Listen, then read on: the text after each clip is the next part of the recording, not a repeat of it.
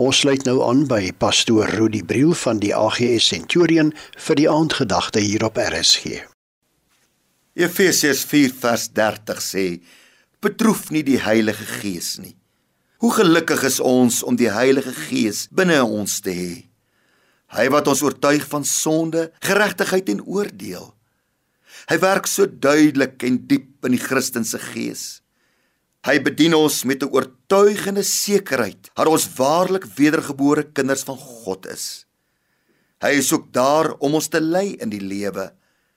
Hy bring sekere openbarings van God aan die lig en leer ons wat om te doen. Verder is die Heilige Gees ons helper en ons ondersteuner in alle omstandighede. Ons moet egter net onthou dat die Heilige Gees nie 'n blote invloed of krag van God is nie, maar dat die Heilige Gees 'n persoon is. 'n Persoon wat bedroef kan word. Ongehoorsaamheid bedroef die Heilige Gees. Onverskilligheid en sonde krenk die Heilige Gees.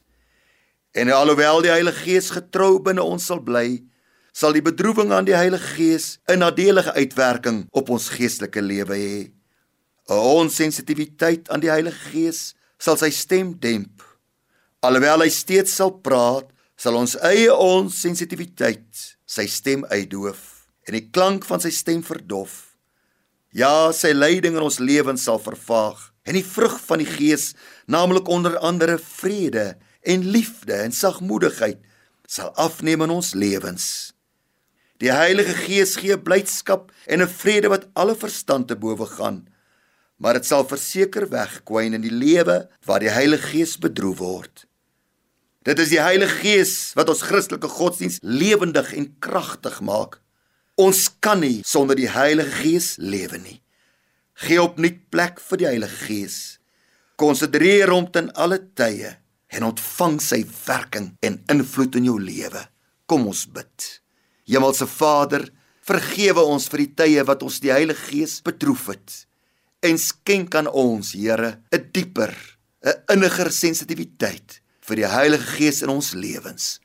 In Jesus Christus naam bid ons dit. Amen. Dit was dan pastoor Rudy Briel wat vanaand se aandgedagte hier op RSG aangebied het.